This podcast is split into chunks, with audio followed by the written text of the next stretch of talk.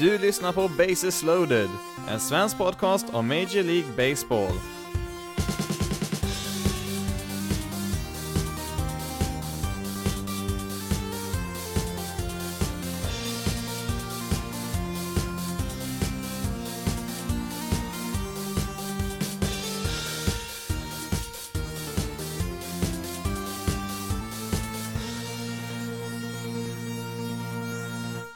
Och välkommen till veckans avsnitt av Bases loaded, en svensk podcast om Major League Baseball. I det här avsnittet så blir det lite nyheter från veckan som gick. Eh, det blir även lite extra fokus på American League Central och vi ska även kolla på den nya perioden för att eh, skriva på kontrakt med internationella prospects. I vanliga fall så brukar jag väl kanske begränsa lite grann hur mycket jag pratar om eh, de lagen som kommer att vara aktuella i nästkommande avsnitt utav podcasten eh, eftersom vi har en division som ligger i fokus varje vecka och eh, ja, nästa vecka är det ju National League Easts tur men med tanke på vad som hänt i New York Mets den senaste tiden så går det inte direkt att ignorera det. Det är ju inte bara på planen som det går tufft för Mets just nu. Man ligger ju i och för sig då 13 matcher bakom Atlanta Braves där i divisionen efter halva säsongen här men det brister ju på flera håll även utanför planen. Det har ju varit lite extra extra tungt den här veckan som gick och eh, framförallt var det en situation där i omklädningsrummet där under en match, eh, eller ja, efter en match var det rättare sagt, när eh, deras manager Mick Calloway fick ett utbrott där på någon reporter i omklädningsrummet. Enligt rapporter där då, så hade den här reporten passerat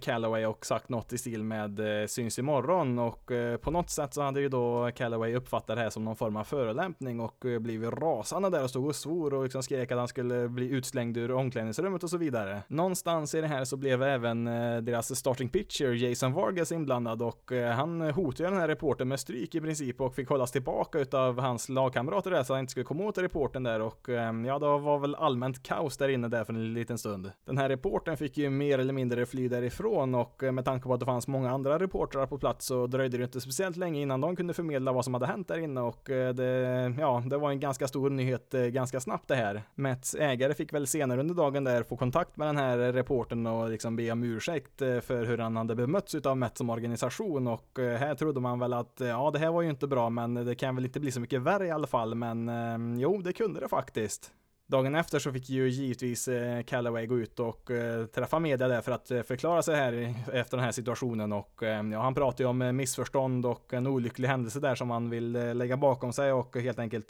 blicka framåt istället. Någonstans mitt i allt det här så tog han även upp eh, Billy Martin, eh, en gammal Yankees-manager från 70 80-talet och berättade att han hade ju minsann en gång i tiden slagit ner en reporter eh, som han inte kom överens med där och det tyckte han väl att det hörde väl till lite grann att det ska vara lite hett där mellan managers och reportrar. Varför i all världen han tyckte det var en bra idé att ta upp just det här i ett rum fullt av reportrar, det är det nog ingen som vet förutom han själv och på något sätt så var det inte slut här. Det skulle bli ännu ett snäpp värre faktiskt. Men då kanske du undrar hur i all världen ska det kunna bli värre nu då? Han har ju redan kommit ut där och pratat med media för att be om ursäkt för situationen där och eh, visst, då var väl kanske inte alltid så väl valda ord där, men eh, problemet var ju framförallt att eh, det kom ju faktiskt aldrig någon ursäkt. Det här fick väl säkert någon ganska lagom road representant från Mets påpeka för Calloway där att han faktiskt inte gjort det han faktiskt skulle göra, nämligen att be om ursäkt, så att han fick ju kalla till ett nytt möte med media där ett par timmar senare och klargöra sina kommentarer. När han väl var där för möte nummer två med media för dagen så lät han väl sig lite lagom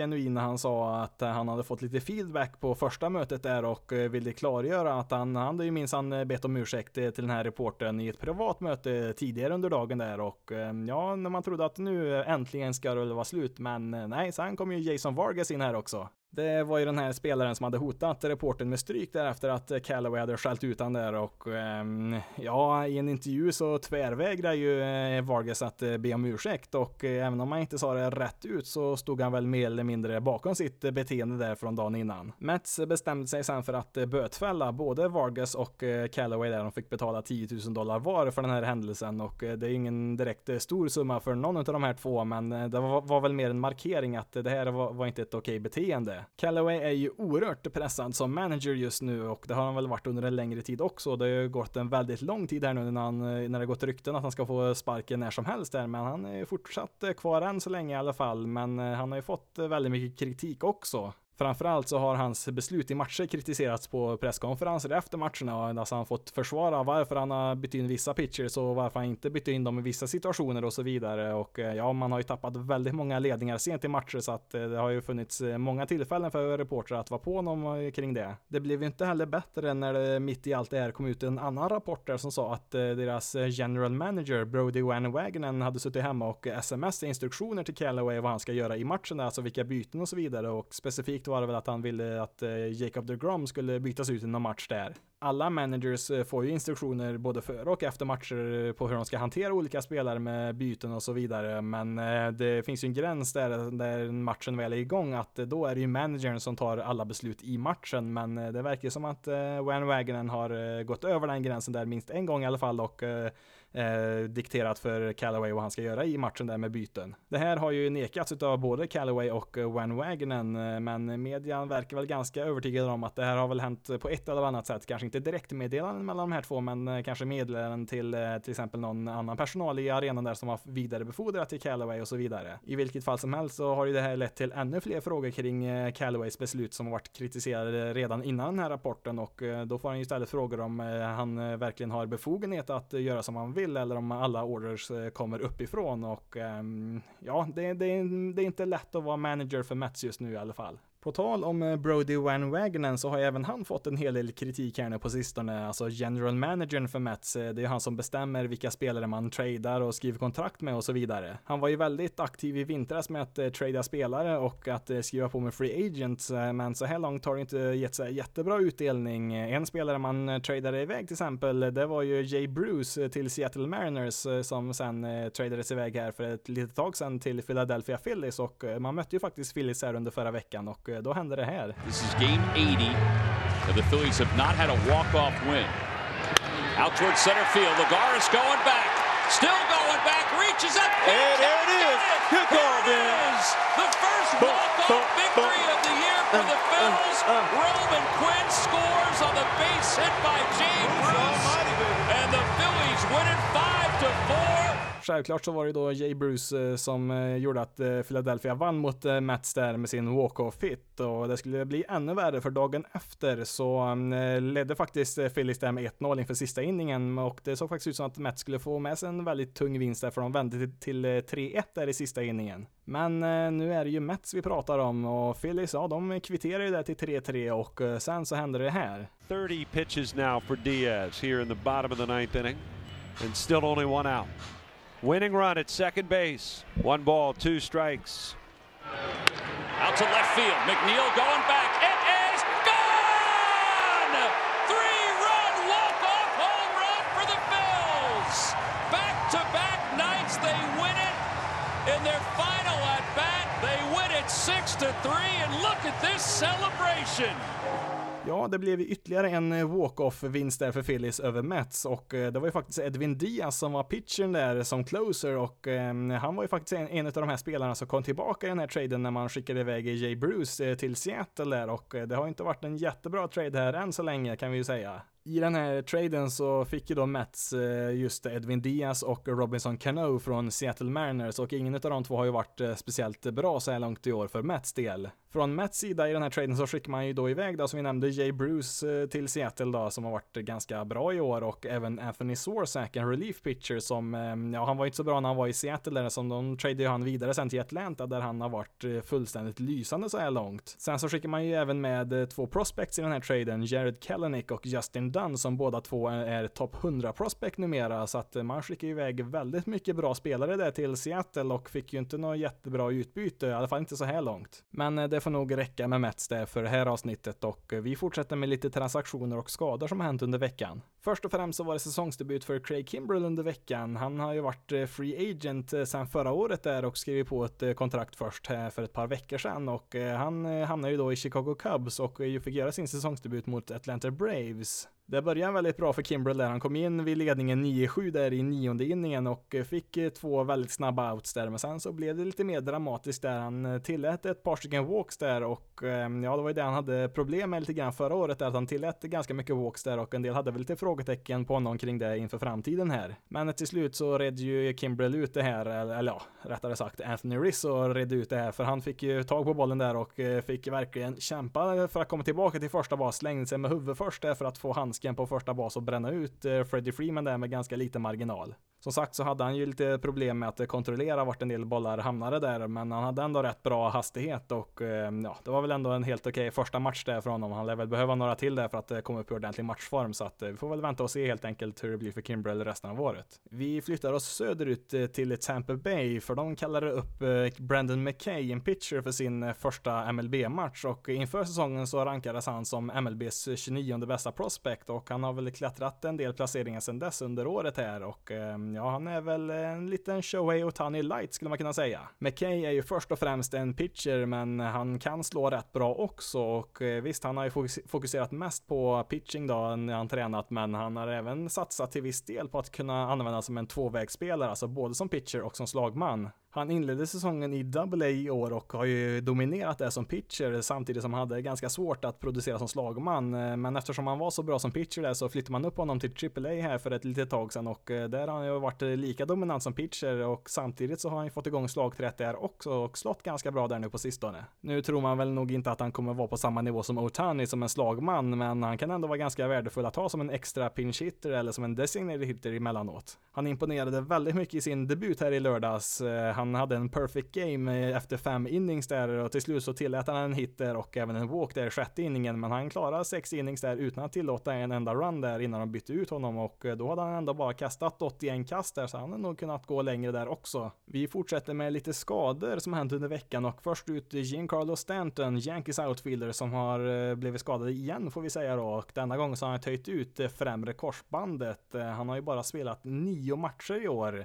Först så åkte han ju på en bicepsskada där ganska tidigt på säsongen och i rehabprocessen där så skadade han även axeln och eh, han har ju precis kommit tillbaka i spel här nu men eh, då är han ju skadad igen här och eh, man ska nog inte räkna med att han är tillbaka någon gång under hela juli månaden så att det kommer dröja ett tag innan han är på planen igen. Nästa spelare är Jordan Hicks, Cardinals relief pitcher och vi nämnde ju faktiskt i förra avsnittet där att Hicks lämnar en match där med en bicepsskada sa man då och det visade sig vara en ganska missvisande rapport då det i verkligheten var ett ligament i armbågen som hade ryckt sönder där. Som resultat så har han tvingats att genomföra en Tommy John operation där i armbågen och eh, missar resten av året och eh, större delen av nästa säsong också, om inte hela säsongen. Nu var det väl kanske inte någon jättestor överraskning att eh, Hicks skulle åka på en Tommy John operation till slut med tanke på hur våldsamt han kastar. Han dominerar ju topplistan över hårdaste kasten i år. Han är ju helt själv på topp 20-listan där över hårdast kast. Han har ju klockats upp till 104,9 miles per hour i år som, som mest där och snittar 101 miles per hour där på sin fastball och är ju ohotad i toppen där över högst eh, snitthastighet också. Pitchers eh, kastar ju hårdare och hårdare i genomsnitt eh, för varje år som går egentligen, men man spekulerar väl lite grann i om kanske Jordan Hicks ligger någonstans på den här övre gränsen eller kanske strax under den övre gränsen på vad mycket en armbåge faktiskt klarar av rent fysiskt sett.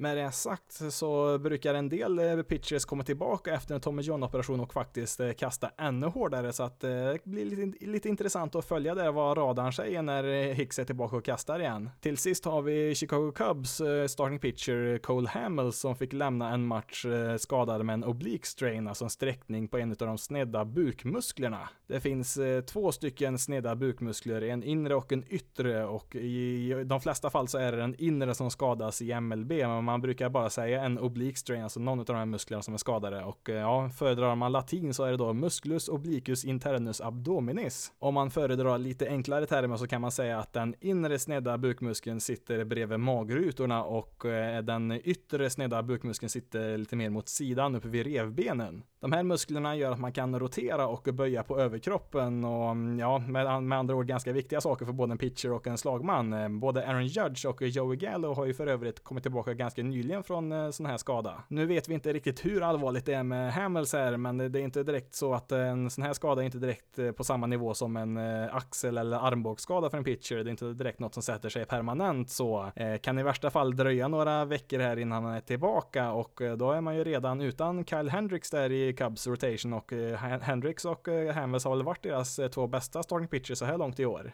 Vi fortsätter med ett eh, par notiser här och vi börjar med Houston Astros som har gått eh, väldigt tungt just nu. Man hade ju en väldigt stor ledning i, i sin tabell där i, i, American League West och den har ju faktiskt krympt från tvåsiffrigt ner till fem matchers försprång för eh, Texas Rangers. Även Angels och Oakland A's har ju gått bättre på sistone de också och ja visst, de har väl krypt lite närmare. Skulle väl kanske inte oroa mig så mycket för dem om jag vore Astros, men Rangers kommer faktiskt lite obehagligt väldigt nära här nu. Astros eh, såg ju mer eller mindre oövervinnliga ut där ett tag, men nu har man hamnat i en lite sämre period där och eh, bland annat så hade man sju förlust, förluster i rad här och eh, bland annat en riktigt pinsam uppvisning här förra veckan mot Pittsburgh Pirates när man förlorade två utav tre. Nu var det väl inte att man förlorade i sig som var det pinsamma, utan det var hur man gjorde det. Först förlorade man med 14-2 och sen med 10-0 och eh, dessutom så hade man även en 12-0 förlust mot Blue Jays ett tag innan det. Man har ju visserligen haft en del eh, skador på lite nyckelspelare från Astros sida, men det såg ut som man skulle klara av det ett tag där, men eh, det verkar väl som att de här skadorna kommer ikapp lite nu. Man får ju visserligen tillbaka lite spelare här. Altuve är ju tillbaka och George Springer har ju också precis kommit tillbaka här, så att det ska väl hjälpa lite grann där, men det har varit en ganska ganska rejäl formsvacka är för ett eh, topplag som Astros.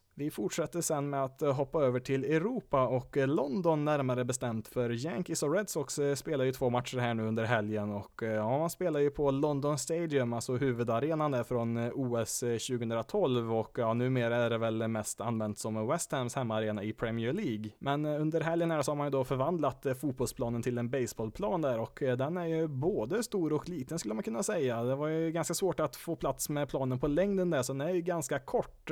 till centerfield där, men det finns ju extremt mycket plats på sidorna där bredvid foullinjerna så att eh, det, ja den är ju ännu större än vad Oakland Colosseum är som i vanliga fall man tycker har väldigt mycket plats eh, på sidorna där så att det finns ju väldigt mycket utrymme att eh, plocka pop-ups på det som i vanliga fall skulle hamna i publiken på en vanlig baseballarena. De lite drygt 60 000 i publiken fick ju se ett riktigt fyrverkeri där under första matchen. 17-13 vann ju Yankees på, på vad som var den första MLB-matchen på europeisk mark. Båda starting pitchers, eh, Rick Porcello och Masahiro Tanaka, fick ju lämna matchen redan i den första inningen med en respektive två outs och eh, ja, efter en inning så stod det faktiskt 6-6. Båda lagen fick eh, totalt använda åtta pitchers vardera i den här matchen för att eh, komma hela vägen i mål och ja, DJ LeMahieu och Luke Voigt för New York Yankees samt Jackie Bradley Jr för Red Sox hade ju fyra hits vardera så att det var en riktig offensiv explosion här. När du lyssnar på det här så har man ju då även spelat match två. Den pågår ju just nu när jag spelar in här under söndagskvällen. Har den på tvn här bakom ryggen på mig just nu och ska vi se. Ja, 12-4 till Yankees eh, står det just nu så att det blev ju en himla massa runs även här i match två.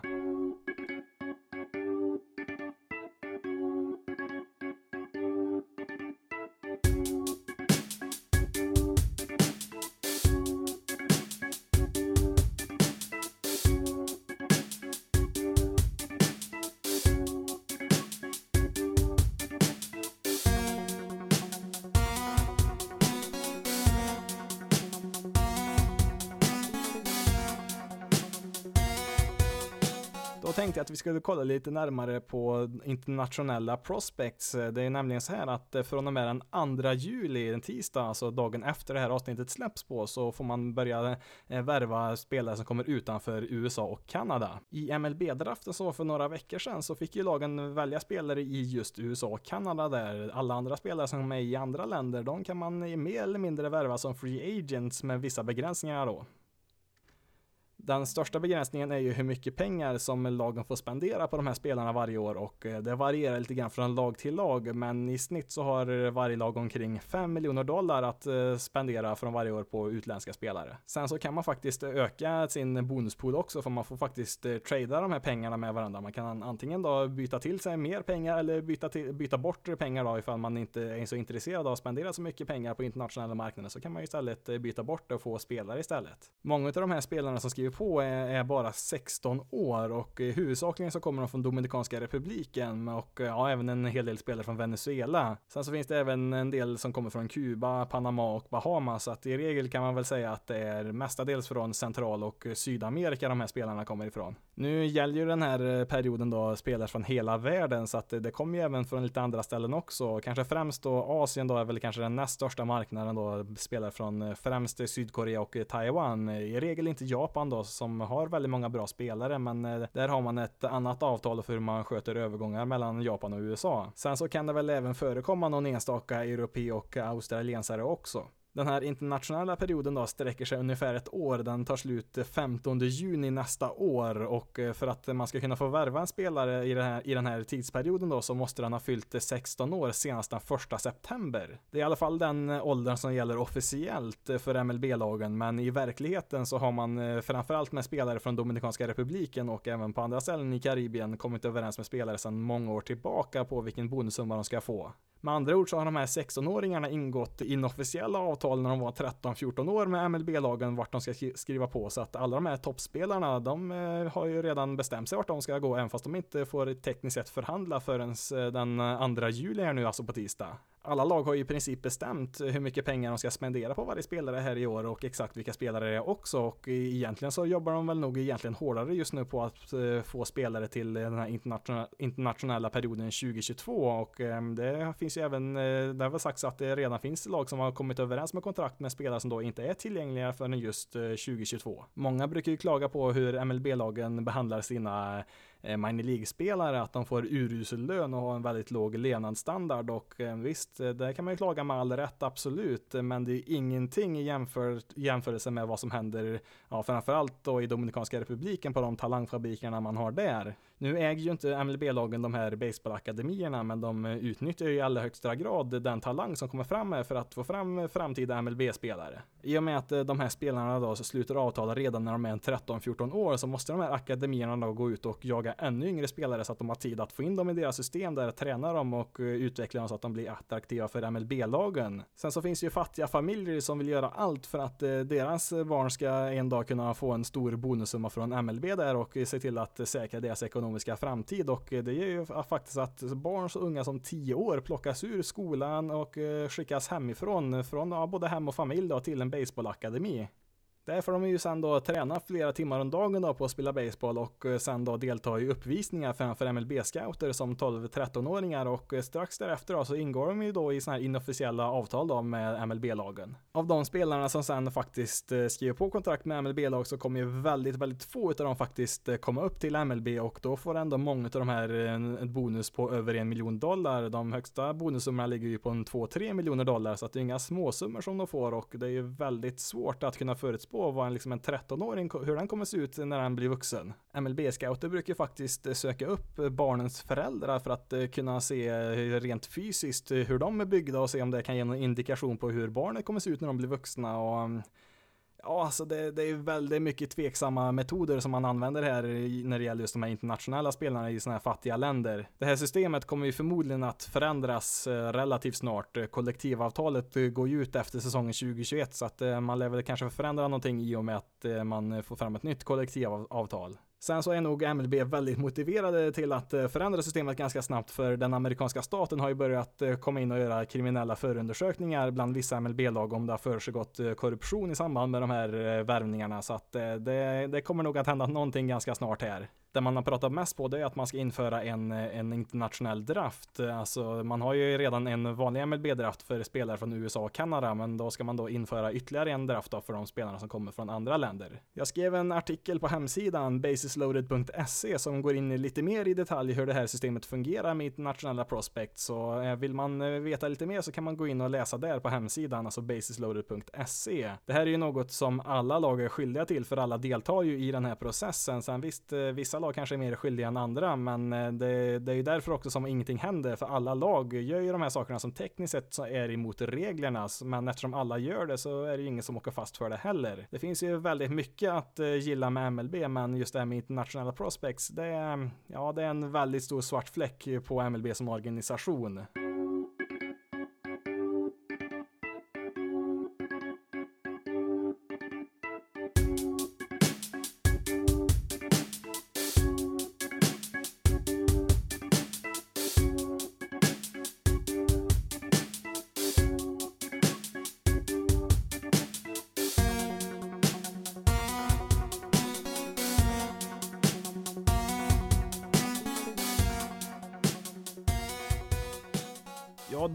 Kanske lite tråkigt att höra om de sakerna där, men vi kan väl försöka muntra upp oss lite med veckans division, men eh, tyvärr så insåg jag här nu att eh, veckans division är ju American League Central och ehm, ja, jag vet inte om uppmuntrande är något jag skulle beskriva den divisionen med. Först ut eh, Chicago White Sox som visserligen har lite positivt runt omkring sig. 38 vinster, 42 förluster, 14 matcher bakom Twins i, i divisionen. Sen så är man 6,5 matcher bakom en wildcard-plats. På spelschemat så har man närmast Tigers och Cubs, eh, men kollar man på hela spelschemat i juli här så har man ett relativt lätt schema här med många bottenlag, så man har väl en liten, liten chans kanske att krypa lite närmare en wildcard-plats. Inför säsongen så tyckte jag att eh, man behövde väl visa lite framsteg här nu från White Sox sida, att man är på rätt väg här. Kanske inte vara med och slåss om en slutspelsplats, men att man inte heller är med bland de absolut sämsta lagen i, i ligan och det har man ju ändå visat här i år att man har tagit en del steg framåt. Man har ju hållit på ganska länge med sin rebuild där, men man börjar väl kanske se ljuset i tunneln lite grann där, att man är på, på väg här mot att eh,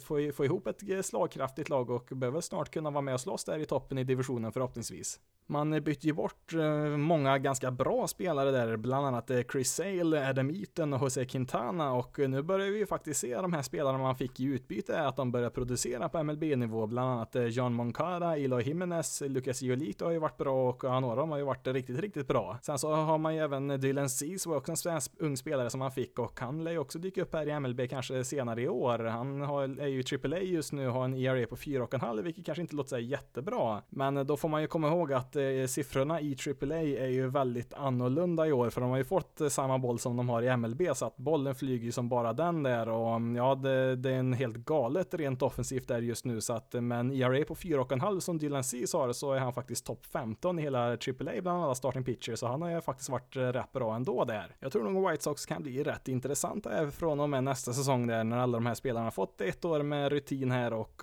sen får man ju även se lite grann vad de kan göra under vintern här med free agents och de kanske tradar till sig något också så att eh, jag tror White Sox kan bli lite intressant inför säsongen 2020. På tal om eh, vintern och värvningar så gjorde man ju en missberäkning under vintern som gick här nu när man tradade till sig första basmannen Jonder Alonso som så här långt i år har varit värd minus 1,1 wins above replacement vilket är sämst i hela ligan tillsammans med Marlins eh, Starling Castro. När man gjorde den här traden så var det en del som sa att ja men det är nog bara för att de ville värva Manny Machado som free agent. Alonso och Machado är ju väldigt nära vänner där så att då kanske en del trodde att ja men eh, om de har med honom där så har de väl större chans att eh, Machado skriver på det som free agent men han skriver ju då bekant eh, på med eh, Padres istället. Det är väl inte helt rättvist mot John Alonso heller för han fick ju sitt genombrott 2017 och visst han hade väl en lite sämre säsong förra året där men man trodde väl ändå att man skulle få en relativt produktiv spelare när man tradade till sig Alonso men ja i år har han ju tappat allt, har en slashline på 1.78, 2.75, 3.01 och han släpptes ju här utav White Sox under veckan som inte vill ha kvar i truppen ens. With the third selection of the 2019 MLB Draft, the Chicago White Sox select Andrew Vaughn a first baseman from University of California at Berkeley. Med sitt eh, första draftval på plats nummer tre så valde ju White Sox Andrew Vaughn, en första basman på college-nivå där och ehm, ja, han är väl kanske draftens absolut bästa slagman. De två spelarna som gick före där, Rutschman och Bobby Witt, är väl också väldigt bra slagman, men de är framförallt väldigt bra defensivt också. Men kollar vi bara som slagman så är väl Andrew Vaughn den bästa spelaren. Det största hindret för att Vaughn skulle gå så här högt i draften, det var hans position där på första bas eh, är, man vill väl helst inte att eh, de ska spela där redan innan de kommer till en MLB-organisation. Det är väl mer att man eh, tar spelare som är på andra positioner som inte längre klarar av att spela där rent defensivt, att man har första bas som en sista utväg. Men eh, Wons slagträ var ju så pass vass där att man inte kunde motstå att drafta han så här högt ändå. Framförallt förra året då var han fantastiskt bra där på college-nivå, hade en slashline på 4.02, 5.31, 8.19 och utsågs sen till bästa amatörspelaren i hela landet efteråt. Nu har det väl inte gått riktigt lika lika bra under den här våren, men det har ju delvis berott på att pitchers har varit livrädda för att kasta mot Boen där. De har pitchat runt honom och försökt att göra och han har väl inte fått speciellt mycket bra bollar att kunna göra så mycket skada med där, så att eh, statistiken är väl kanske inte riktigt lika bra som förra året, men eh, han är ju en oerhört kompetent slagman redan nu, så att eh, han har ju möjligheten att avancera ganska snabbt i White Sox i Marine League-system för att det finns väl inte så jättemycket försvarsmässigt han kan träna på som första basman i deras Marine League-system. Kollar vi på trade-marknaden så, mm,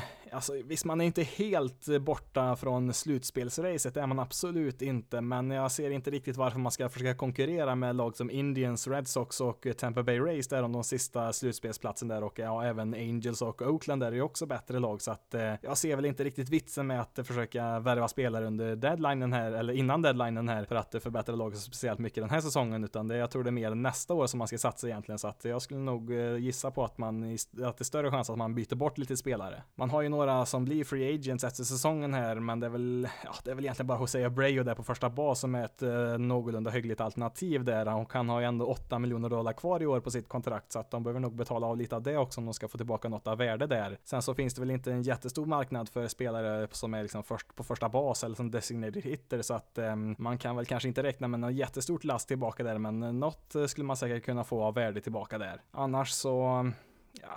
Alltså Ivan Nova i deras starting rotation där är väl också free agent, men han har ju inte direkt presterat i år så att eh, han lär man väl inte heller få speciellt mycket för om ens någonting. Den spelare som man har pratat mest om när det gäller trades och White Sox, det är väl deras relief pitcher Alex Colomay och han har ju dessutom ett år av kontroll kvar efter den här säsongen så att han kanske man kan få någonting för det och eh, ja, relief pitchers är det många som vill ha vid den här tiden så att eh, ja, han har ju varit rätt så bra i år så att kan man säkert få någonting för det här. Sen så har ju även James McCann nämnts där. Han hade ju väldigt svårt att producera sedan han kom upp med Detroit Tigers där, var ett ganska lovande prospect där en gång i tiden, men han hade ju väldigt svårt när han kom upp på MLB-nivå där och eh, han har ju kommit till White Sox här nu i år och varit fantastiskt bra och eh, han är ju relativt billig. Han har ju ett kontrakt på bara ett par tre miljoner dollar där så att eh, det är inga större hinder för någon där. Sen så har han faktiskt ett år kvar utav arbitration där så att man eh, kan väl kanske få lite extra där eftersom att han har ett eh, år utav kontroll till där om man vill trada bort honom och ehm, om någon av slutspelslagen vill ha en extra catcher så är väl McCann kanske ett av de bästa alternativen bland de som finns tillgängliga i alla fall. Som sagt, eh, lite oklart hur man tänker där inför deadlinen, men eh, alltså, man har ju i och för sig ett lätt spelschema i juli månad där, så att man kanske kan komma rätt nära en slutspelsplats där, men tycker ändå att eh, det är 2020 man ska satsa på det, så att det är väl nästan bättre att göra sig av med lite spelare så att man kan ha en så bra trupp som möjligt inför nästa år istället. Nästa lag, Kansas City Royals, 28 vinster, 55 förluster, bara 25 matcher bakom första platsen just nu och ja, de slåss ju med Tigers där om sista platsen och ja, Tigers ligger väl precis före dem just nu. Det här är ju faktiskt en av de sämsta första säsongshalvorna som eh, Royals har haft i sin, eh, i sin historia och då är man faktiskt ändå bättre eh, med tre matcher vad man, än vad man var förra året. Då hade man bara 25 vinster efter halva säsongen där så att eh, även om man är väldigt eh, dåliga i år så var man ju på något sätt ännu sämre förra året. Här närmast på spelschemat så har man Indians och Nationals. Det finns väl ändå lite positivt för eh, Royals, framförallt Hunter Dozier som gick från en, en av ligans sämsta sämsta spelare förra året till att vara finalist för att starta All-Star-matchen på tredje bas. Och han har ju faktiskt producerat eh, som en topp 20 bland alla slagmän i år. Så att eh, han har ju varit en riktigt positiv överraskning. Egentligen så har man väl ett ganska bra infield där inför framtiden. Förutom Hunter Dozier där på tredje bas så har man ju Whit Merrifield på andra bas. Och han har väl i och för sig spelat lite grann i deras outfield också. Och även Mondesi där på shortstop har ju alla tre de här varit ganska bra i år. Och de är ju under kontroll under flera år här nu framöver. Så att eh, där ser det ju ganska bra ut inför framtiden framtiden i alla fall. Ska man hitta något eh, positivt eh, bland deras pitchers så, mm,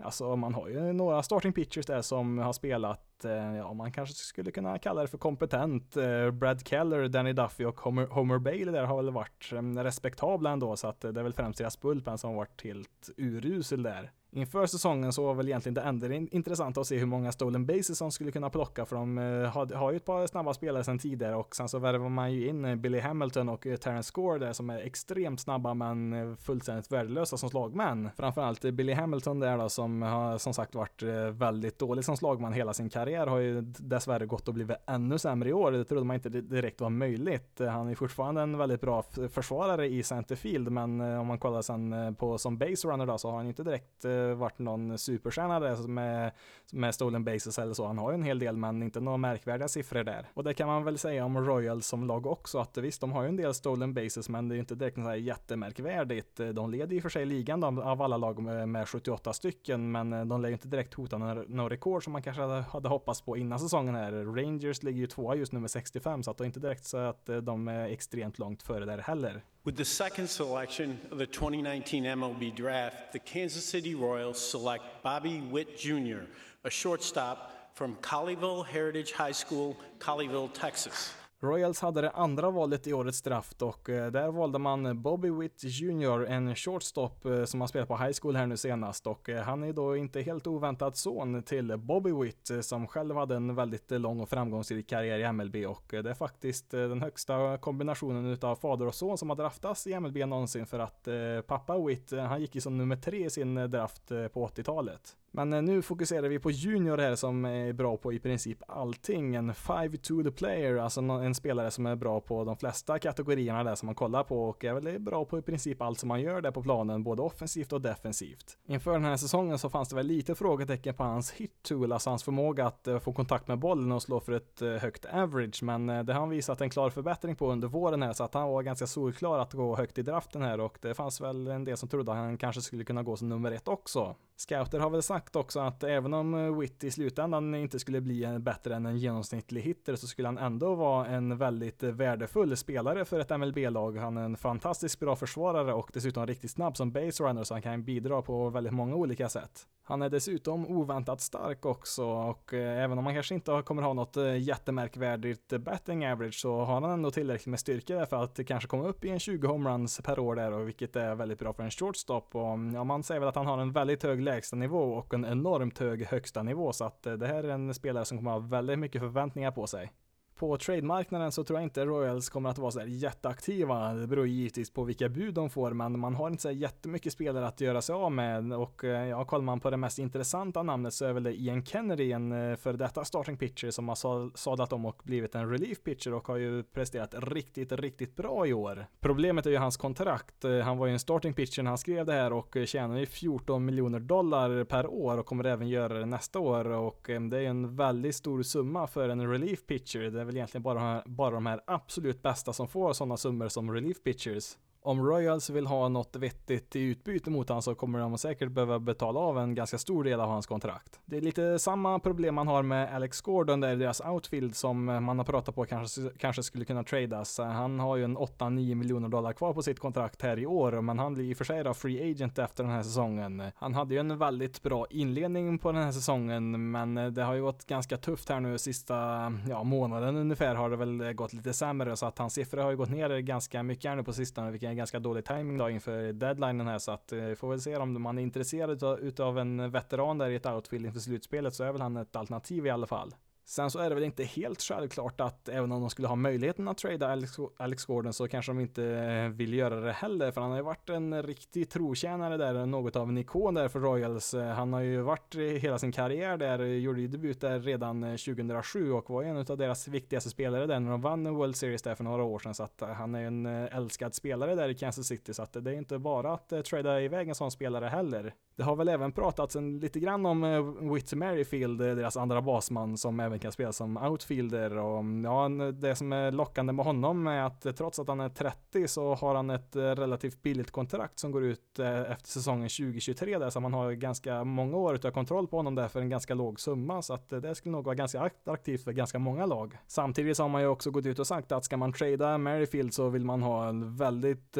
bra paket tillbaka där med bra unga spelare så att det ska nog mycket till att eh, han eh, faktiskt eh, tradas bort här nu om inte något lag verkligen, verkligen vill ha honom och erbjuder en massa bra prospects till Royals. Nästa lag, Cleveland Indians, 44 vinster, 38 förluster, 9 matcher bakom första platsen i divisionen där och en och en halv match upp till en wildcard-plats. Här närmast på spelschemat så har man Royals och Reds. Kollar vi på schemat under resten av juli månad så är det ganska tacksamt spelschema ändå. Man har 24 matcher och 17 av dem är mot Royals, Tigers och Blue Jays så att det är enormt eh, viktig månad det här för Indien som de ska haka på där i slutspelsracet. Det har väl gått eh, lite bättre här nu på slutet för Indians, eh, trots att man har en decimerad starting rotation där. Man har ju varit tvungen att använda nio stycken olika starting pitchers om man räknar bort deras openers. Att eh, de hänger med i slutspelsracet i nuläget det är väl främst för att de har fått upp eh, flera stycken eh, bra ersättare där från deras minor League-system och deras starting rotation och senast så var det då Aaron Civale som kom upp där och gjorde sin debut och han såg ju riktigt bra ut där men han skickade man ner till AAA igen därför man hade väl inte riktigt plats där när Mike Clevenger kom tillbaka från deras injured list. Lite tidigare i år så kallar man ju även upp Zach Playsack som har varit riktigt stabil där i deras starting rotation. Sina sex första starter såg ju riktigt bra ut. Sen så åkte han ju på en hel del stryk här nu i helgen här i lördags mot uh, Orioles av alla lag där tillät han sju runs på fyra innings. Men i övrigt då, förutom den starten där så har han varit riktigt, riktigt bra. I övrigt i deras eh, starting rotation så har ju Corey Kluber börjat uh, kasta lite grann där och börjat rehabbat lite. Han hade ju en uh, fraktur i armen där som han fick efter att han blev träffad av en boll och förhoppningsvis ska han kunna närma sig matchform här inom en ganska snar framtid. Det största problemet för Indiens inledningsvis på säsongen var väl kanske mest deras offensiv som inte alls producerade något där i början, men man har vaknat till liv rätt ordentligt där nu på sistone och eh, producerat en hel del redan innan säsongen började så såg man ju att deras outfield skulle bli ett stort problem. Man sa väl att det är väl egentligen bara Leonus Martin där som är något att ha, men han har väl varit sämst av dem alla där och ja, han har ju faktiskt eh, släppts där. Han eh, är inte kvar på deras roster längre så att han har ju haft en väldigt tung säsong där. Däremot så har man ju då fått in Oscar Mercado där som har kommit eh, upp från deras Minor League-system och övertygat rejält i sin debutsäsong där och är faktiskt en, en av deras bästa slagmän i nuläget. Indians kallar ju även upp ett annat prospect prospect här ganska nyligen, Bobby Bradley, en powerhitter där på första bas eh, som fick göra sin MLB-debut och eh, ja, han har ju varit riktigt het i AAA så här långt i år så att eh, man hoppas väl få in lite styrka där i deras lineup och ja, han har väl fått iväg ett par hits i alla fall här i sina första matcher. Sen så har vi då givetvis mysteriet med Jose Ramirez där på tredje bas som har gått ifrån att vara MVP-kandidat flera år i rad till att vara en av ligans sämsta slagmän. Han kan väl fortfarande vakta tredje bas där helt okej okay som försvarare men när han ska upp och slå så ser han ju helt vilse ut. Det är ju lite mystiskt eftersom att eh, det inte är direkt någon som riktigt vet varför, det, varför Ramirez har spelat så här dåligt. Han gör ju ganska mycket lika som han gjort eh, tidigare i år. Man har helt enkelt inte fått med sig resultaten. Det finns väl, eh, ja, det finns väl lite teorier och så, men inget solklart så. Och ja, det är ju klart att det är ett väldigt tungt tapp för Indians i deras lineup att Ramirez inte kan producera ens i närheten utav det han har gjort förut. Där. Så att det är klart att en del utav deras offensiva problem, det grundar sig i att Ramirez är helt värdelös som slagman just nu. With the 24th selection of the 2019 MLB draft, the Cleveland Indians select Daniel Espino, a right-handed pitcher from Georgia Premier Academy in Statesboro, Georgia. Cleveland klev in på plats nummer 24 i årets draft och eh, valde då Daniel Espino, en high school pitcher. Och mm, ja, det är lite delade meningar kring Espinos framtid. Det är en del som tror att han kan vara ett potentiellt ace och en del tror att han är en framtida relief pitcher det som sticker ut med Espino, det är ju framförallt hans förmåga att regelbundet kasta 100 miles per hour, men det är också ett stort frågetecken för att han är ju bara 18 år och det brukar sällan fungera för sådana här pitchers som är så här unga och kastar så pass hårt. Man är väl lite orolig för att eh, hans arm har åkt på en hel del stryk här nu redan i ung ålder. Det är som sagt eh, extrema krafter det rör sig om för att få iväg en boll så här hårt och och ehm, ja, har man inte riktigt fått bygga upp muskulaturen ordentligt där i framförallt i armbågen där så ehm, visst, eh, då kan det ju givetvis brista där. Det är också värt att eh, notera att eh, han sällan kan nå de här högre hastigheterna om man inte får vila ganska länge mellan sina matcher och frågan är då hur han kommer att hantera om man får kasta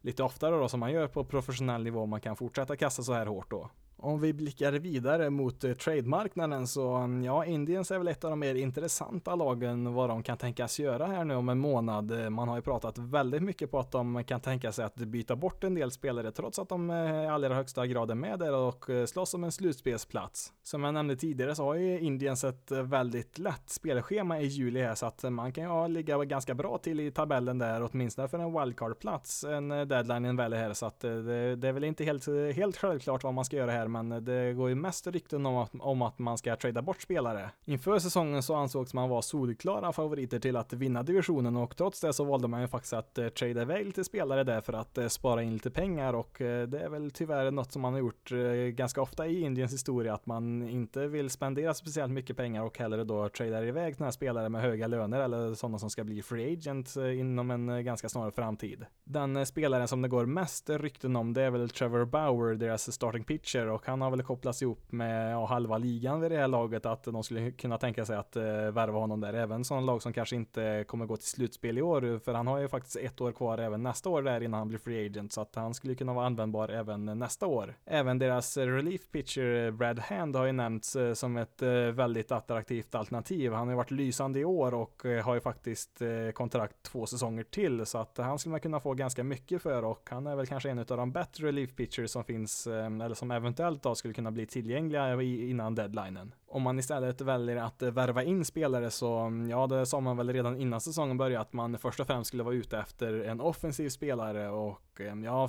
framförallt deras outfield behöver man ju förstärkning som jag nämnt där. Man har ju fått upp Oscar Mercado då, som vi nämnde som har varit ett positivt tillskott men sen eh, Michael Brantley lämnade där i vintras så har man ju haft ett stort hål i deras outfield så att eh, man behöver nog hitta en offensiv lösning där för att, eh, för att kunna stärka upp det här laget inför en eventuell slutspelsplats. Nästa lag, Detroit Tigers, eh, 27 vinster, 51 förluster, 24 matcher bakom Twins i tabellen. Eh, under veckan som kommer här nu kommer man att spela mot eh, White Sox och Red Sox. Ja, vad ska man säga om Tigers egentligen? Ligans sämsta offensiva lag skulle man nog kunna säga att de är. Sammanlagt så har man använt 19 stycken olika slagmän och utav dem så har bara 7 stycken producerat en positiv wins, wins above replacement. Kollar man på hela den här gruppen av slagmän som helhet så har de som grupp då producerat eh, minus ett eh, wins above replacement, vilket är helt ofattbart dåligt. Med andra ord skulle man kunna säga att de kollektivt har producerat ungefär på samma nivå som om de vore ett minor League-lag och eh, ja, det skulle man väl kunna använda som en beskrivning för Detroit Tigers lineup 2019. Till och med Baltimore Orioles som var så fruktansvärt dåliga förra året, de lyckades faktiskt få ihop ett positivt värde på alla sina slagmän där när det gäller wins above replacement. Visserligen bara 1,8 men det var i alla fall eh, inte minus där. Nu är det ju visserligen en halv säsong kvar här men eh, ser väl inte direkt någon trend på att eh, det skulle komma någon offensiv explosion här någon gång. Det är en väldigt tafatt lineup som sagt man har. Om vi kollar lite mer detaljerat eh, och eh, kollar på VRC+, eh, Weighted Runs Created Plus, det är alltså den här statistiken som mäter allting en spelare gör som slagman och eh, då sätter en siffra på det här och har man 100 i den här statistiken då är man en genomsnittlig slagman i MLB. Har man en siffra som är högre än 100 då är man bättre har man en siffra som är lägre än 100, ja, då är man sämre än genomsnittet i MLB. Om vi kollar på vilka spelare som har en VRC plus över 100 i Tiger så har vi dels Nick Castiano som troligtvis kommer att eh, tradas bort de närmaste veckorna. Vi har ju legendaren Miguel Cabrera som inte är i närheten av vad han en gång var. Han är ju nästan bäst betald i hela MLB men är nätt och jämnt bättre än en genomsnittlig slagman i MLB just nu, vilket inte direkt är optimalt. Sen så har man även Jacoby Jones i centerfield där som har slått ganska bra på sistone, men Eh, det är bara de tre som har en VRC plus över 100. Sen har man alltså då 16 stycken andra slagmän som ligger under 100, vilket är helt fantastiskt dåligt. Något eh, överraskande så har faktiskt deras eh, starting rotation varit rätt bra och hade man bara kollat eh, på deras starting rotation hade man nästan kunnat tro att Tigers var ett mittenlag i år. Framförallt Matt Boyd och deras rookie Spencer Turnbull har varit riktigt bra och även Daniel Norris där som inledde som en reliever där har ju fått hoppa in som starting pitcher och gjort det ganska bra. Sen så blir det väl lite mer dystert igen när man kollar på deras bullpen när det egentligen bara finns en enda bra relief pitcher, Shane Green, som visserligen har varit riktigt, riktigt bra, men han kommer väl också att tradas iväg här innan deadlinen har en ERA under ett fortfarande. Skulle man då kunna förstärka deras bullpen då eh, mitt under säsongen här? Ja, man har ju försökt här nu i alla fall och eh, värvat in eh, Trevor Rosenthal på ett minor League-kontrakt. Han fick ju nyligen sparken här från Washington Nationals efter en av de absolut sämsta pitchingprestationerna jag någonsin sett från en pitcher. Han hade ju en ERA över 20 där efter eh, ja, ett antal matcher där och ja, han får ju ett minor League-kontrakt där som inte kostar Tigers någonting så att eh, visst, det gör väl inget så sett, men eh, han är väl knappast lösningen på deras eh, bullpen-problem det mesta positiva för Tigers, det finns ju i deras minor League-system och framförallt har man ju många väldigt lovande starting pitchers, inklusive då Casey Mai som gick som nummer ett i draften förra året där och han har ju varit fullständigt lysande i deras minor League-system så här långt i år. Han har kommit upp till AA nu, men eh, ja, det var ju lite dåliga nyheter där också för han eh, åkte på en axelskada här nyligen så att eh, ja, det, det, är inte, det är inte mycket som går rätt för Detroit just nu. With the fifth selection of the 2019 MLB draft the Detroit Tigers select Riley Green, an outfielder from Haggerty High School. Med sitt eh, första draftval på plats nummer fem i årets draft så valde man då Riley Green eh, som har spelat på high school här nu senast, en outfielder och eh, ja, man behövde väl kanske få in lite slagman här för man har ju väldigt, väldigt många lovande starting pitchers så att det var nog inte så dumt att få in en lovande slagman här också nu så att man får bredda talangpoolen lite grann. Ansågs på förhand kanske vara den bästa high school hittern i draften. Han kan slå för ett högt average och under året här så visar han även att han har fått till en del styrka i svingen också och eh, man tror väl att han ska kunna växa på sig en del muskler också så att han bör kunna slå en del homeruns eh, i framtiden. Fram tills nu så har ju Green spelat som centerfielder men eh, han kommer förmodligen inte att klara av det på MLB-nivå så att han kommer väl att flytta ut på någon av kanterna där och nu är väl inte defensiven hans styrka utan det är ju hans förmåga som slagman som gör att man väljer honom så pass högt här. Kollar vi på trademarknaden så har jag väl nämnt de tre huvudnamnen som finns här. Nick Castellanos, en outfielder där som gärna hade velat stanna till Tigers har han väl sagt, men han verkar inte få något eh, kontrakt där från Tigers och han eh, blir ju free agent efter säsongen här så att eh, man lär väl försöka att eh, trada bort honom där och han är väl den bästa slagmannen de har just nu i Tigers. Men han har väl en hel del defensiva brister, är väldigt dålig försvarsspelare, har väl blivit lite bättre på det i år, men det är framförallt hans offensiv som man tradar till sig om någon vill ha honom, men eh, han, eh, han kostar väl några miljoner här i år och eh, man lär väl inte få en så här jättestor last tillbaka för honom där, så att man, man tar väl nog det man kan få för honom där skulle jag kunna tro. Den stora lasten kommer i så fall att komma ifrån Matt Boyd, deras starting pitcher där som har fått sitt stora genombrott i år och han har dessutom tre år, tre år kvar innan han blir free agent så att han kommer ju kosta en hel del. Enligt rapporter så har väl Yankees varit där och frågat lite grann vad de vill ha utbyte för Matt Boyd och ja, Tigers sa väl att ja, vi skulle väl gärna vilja ha Glaber Torres tillbaka då och ehm, ja, nu tror jag väl inte Yankees är sådär jätteintresserade utav att skicka iväg Glaber Torres för Matt Boyd, men ehm, ja, i vilket fall som helst så kommer det att kosta väldigt mycket att få loss Matt Boyd här nu i sommar. Sen så kan ju även Tigers välja att eh, ha kvar honom. Eh, det finns inte någon sån här jättestor press att de måste bli av med honom här nu i sommar, för han har ju så pass många år kvar innan han blir free agent, så att eh, man kan ju välja att ha kvar honom där lite som en mentor där till yngre pitchers givetvis, och sen så kan man givetvis få ganska mycket även vid andra senare tillfällen också där, och man kanske helt enkelt väljer att vänta på rätt erbjudande helt enkelt. Det tredje namnet är ju då Shane Green, eh, deras eh, closer som eh, varit väldigt bra som sagt och jag skulle bli väldigt förvånad om han är kvar i Tigers här nu efter sommaren. Eh, han har ju för sig ett år kvar på sitt kontrakt så att han är kontrollerbar även 2020. Med andra ord så finns det väl en ganska stor risk att eh, Tigers tappar sina tre bästa spelare här nu de närmaste veckorna och ehm, ja, det var ju inte ett speciellt bra lag till en början med här nu så att det kan ju bara tänka sig hur dåliga de skulle vara om de blir av med alla de här tre så att jag skulle inte bli helt överraskad om Tigers väljer först i nästa års draft. Till sist har vi Minnesota Twins eh, som har 53 vinster, 29 förluster och leder ju ganska komfortabelt med 9 matcher före Cleveland Indians i tabellen där. På spelschemat så har man då Oakland A's och Rangers här nu närmast under veckan och eh, man har väl inte direkt något jättetufft schema under juli månad där så att man bör ju kunna ligga ganska stabilt där ett tag till i toppen av tabellen. Till skillnad från Tiger så har ju då Twins ett av ligans absolut bästa offensiva lag. De har faktiskt bara två stycken spelare som har en VRC plus under 100 och det är ju då Jonathan Scope och eh, Marvin Gonzales. Men de har ju en eh, VRC plus på 97 respektive 95 så de är ju bara marginellt sämre än en genomsnittlig slagman så att det är ett helt fantastisk eh, offensiv kraft som finns här. Däremot så har man varit eh, lite skadeskjutna här nu på sistone, framförallt i deras outfield eh, där samtliga tre ordinarie spelare under en ganska kort tid har varit skadade. Max Kapler, Byron Buxton och Eddie Rosario här nu senast. Eh, det har inte varit några jätteallvarliga skador så, men det är ju långt ifrån optimalt. Lägg där till sen även Marvin Gonzales, deras super utility-spelare där som även han spelar lite grann i deras outfield har ju också varit skadade så att deras outfield har ju varit ganska hårt drabbat här nu på sistone. I vilket fall som helst så rullar det ju på här för Twins trots lite skador här nu på sistone utan eh, Man fortsätter vinna en massa matcher och har en väldigt eh, stabil ledning där i divisionen. Eh, framförallt är jag väldigt imponerad av deras starting rotation så här långt. Jag var ju väldigt tveksam till deras starting rotation inför säsongen och var ju ganska fundersam till varför man inte valde att förstärka den med någon free agent eller någon trade eller något sånt där. Men det har ju visat att det hade de inga behov av för de har ju varit väldigt bra där. Inte bara så att det är liksom en eller två starting pitchers som har varit väldigt bra utan de har varit väldigt bra som en enhet där från starter 1 till 5 egentligen. With the 13th selection of the 2019 MLB draft, the Minnesota Twins select Keone Cavaco, a shortstop from Eastlake High School in Chula Vista, California. Med sitt eh, första val i draften så valde man på plats nummer 13 Keone Cavaco, en high school-spelare som spelar på shortstop.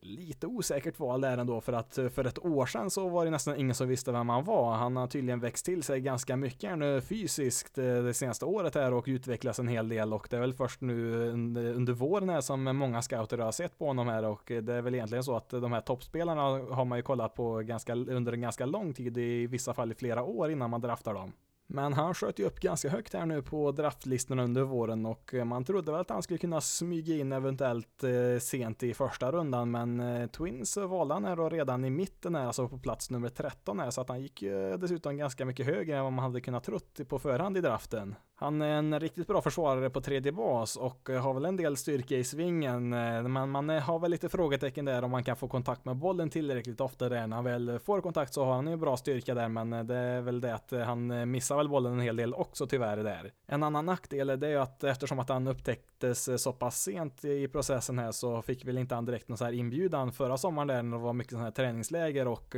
olika uppvisningsmatcher där när man samlar de bästa spelarna från landet där så att de får möta bra motstånd och man man har väl inte direkt kunnat scouta han mot eh, landets bästa spelare så att man vet ju inte riktigt exakt hur bra han faktiskt kanske är. Så att det, det är ett litet osäkert kort här ändå på trademarknaden så lär väl Twins inte vara så här jätteaktiva när det gäller att hitta offensiva uppgraderingar. Man har ju som sagt redan en, en av ligans bästa offensiv så att det finns väl ingen anledning att röra till det där någonting. Trots att man har en väldigt stabil starting rotation så har man ändå kopplats ihop med till exempel Madison Bumgarner och visst, eh, det har jag väl sagt om varenda lag som letar efter starting pitchers att eh, de har kopplats ihop med Bumgarner men eh, det är väl Twins är väl kanske det namn eller det laget som har kopplats ihop allra mest med Bumgarner så här långt i år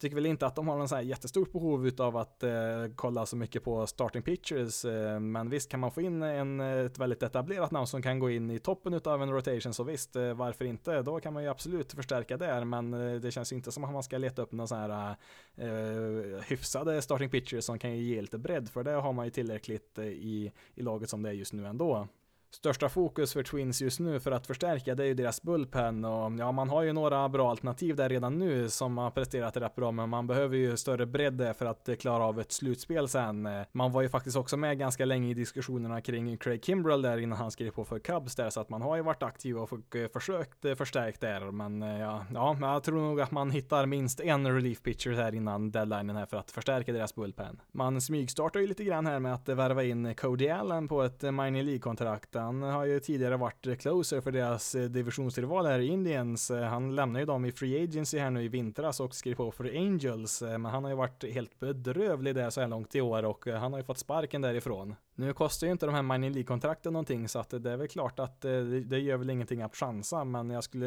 jag skulle bli förvånad om han får en betydande roll i deras bullpen någon gång under året här.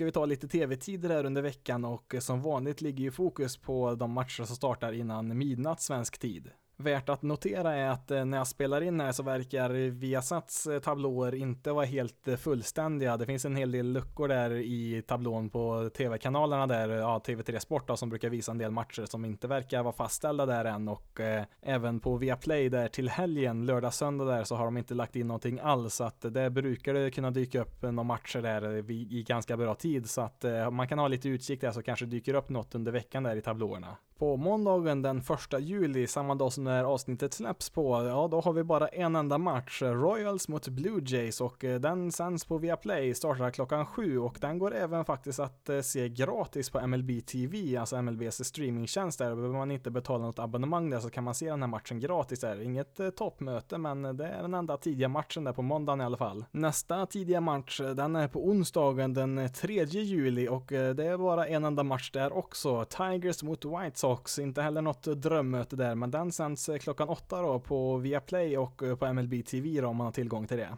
På torsdagen den 4 juli så har vi helt plötsligt åtta tidiga matcher där och eh, man börjar redan klockan fem på eftermiddagen här med Marlins mot National som är gratismatchen där på MLB TV som man kan se där utan abonnemang. Sen kan man även se den matchen på Viaplay. Viaplay sänder faktiskt en till match här vid 10-tiden på kvällen. Cubs mot Pirates kan man se där och det är väl en av de bättre matcherna här tillsammans med eh, även Yankees mot Tampa Bay Rays. Startar i och för sig vid 11 på kvällen där men det är ju tekniskt sett innan midnatt det också så. Sen så får vi vänta till lördagen för att eh, få lite tidiga matcher igen och eh, då börjar det klockan åtta där med Rangers mot eh, Twins är väl lite halvintressant där. Gratismatchen är Royals mot Nationals där börjar klockan tio. Annars så är det väl eh, New York Yankees mot Tampa Bay Rays där igen då. Klockan 10 spelar de och eh, ja, även Indians mot Reds är väl lite småintressant den också. Även den startar klockan 10. Till sist då på söndagen den 7 juli så brukar det vara så här på söndagar att eh, en match brukar börja sent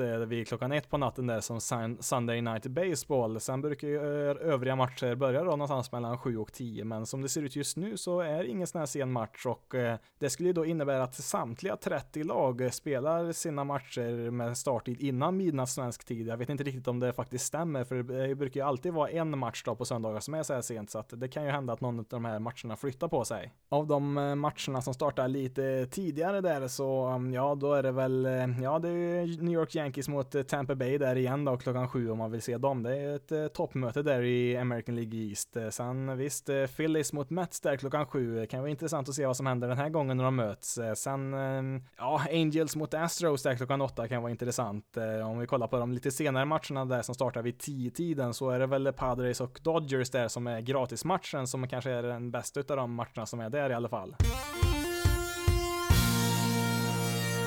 Ja, det får nog räcka där för veckans avsnitt. Det finns väl egentligen hur mycket som helst man skulle kunna ta upp eh, här i podcasten, men eh, nu är vi uppe i en timme här igen så att eh, då får att ta räcka där. Började med en artikelserie här förra veckan som man kallar för Extra Innings där jag tar upp lite andra saker som hände under veckan där som inte fick plats i förra podcastavsnittet och det kommer väl ett till det här avsnittet också. Alltså saker som helt enkelt inte fick plats eller inte passade in i avsnittet utan någon anledning. Den artikeln kommer väl att komma upp någon gång under samma dag som det här avsnittet släpps på. Kanske inte samtidigt då, det här avsnittet eh, publiceras ju tidigt på morgonen eh, varje måndag så att eh, det kommer väl dröja lite längre in på dagen där innan jag kan få ut artikeln där på hemsidan. Men man kan gå, till, gå in till basisloaded.se så kan man ta del av dels den artikelserien och en del annat också. Som jag nämnde tidigare i avsnittet så har jag även en artikel där om internationella prospect som går in lite mer i detalj. Jag fick väl inte med riktigt allt här i avsnittet så att vill man läsa lite mer om det kan man kika där på hemsidan och det finns eh, ja, lite annat där, lite fler artiklar och så. Jag tänker väl försöka publicera två, tre stycken per vecka här nu framöver så att eh, har man lite tid över så kan man gå in och kika där på hemsidan. Basisloaded.se hittar man den på. Om du vill följa Basisloaded på sociala medier så kan du göra det på Facebook, Twitter och Instagram. Då letar du upp basisloaded.se. Du kan även mejla till basisloaded.se gmail.com. Men nu har jag pratat tillräckligt för idag. Mitt namn är Jonathan Fabri och jag är jättetacksam för att du har valt att lyssna på det här avsnittet av Bases loaded. Ni får ha det så bra där ute så hörs vi i nästa veckas avsnitt.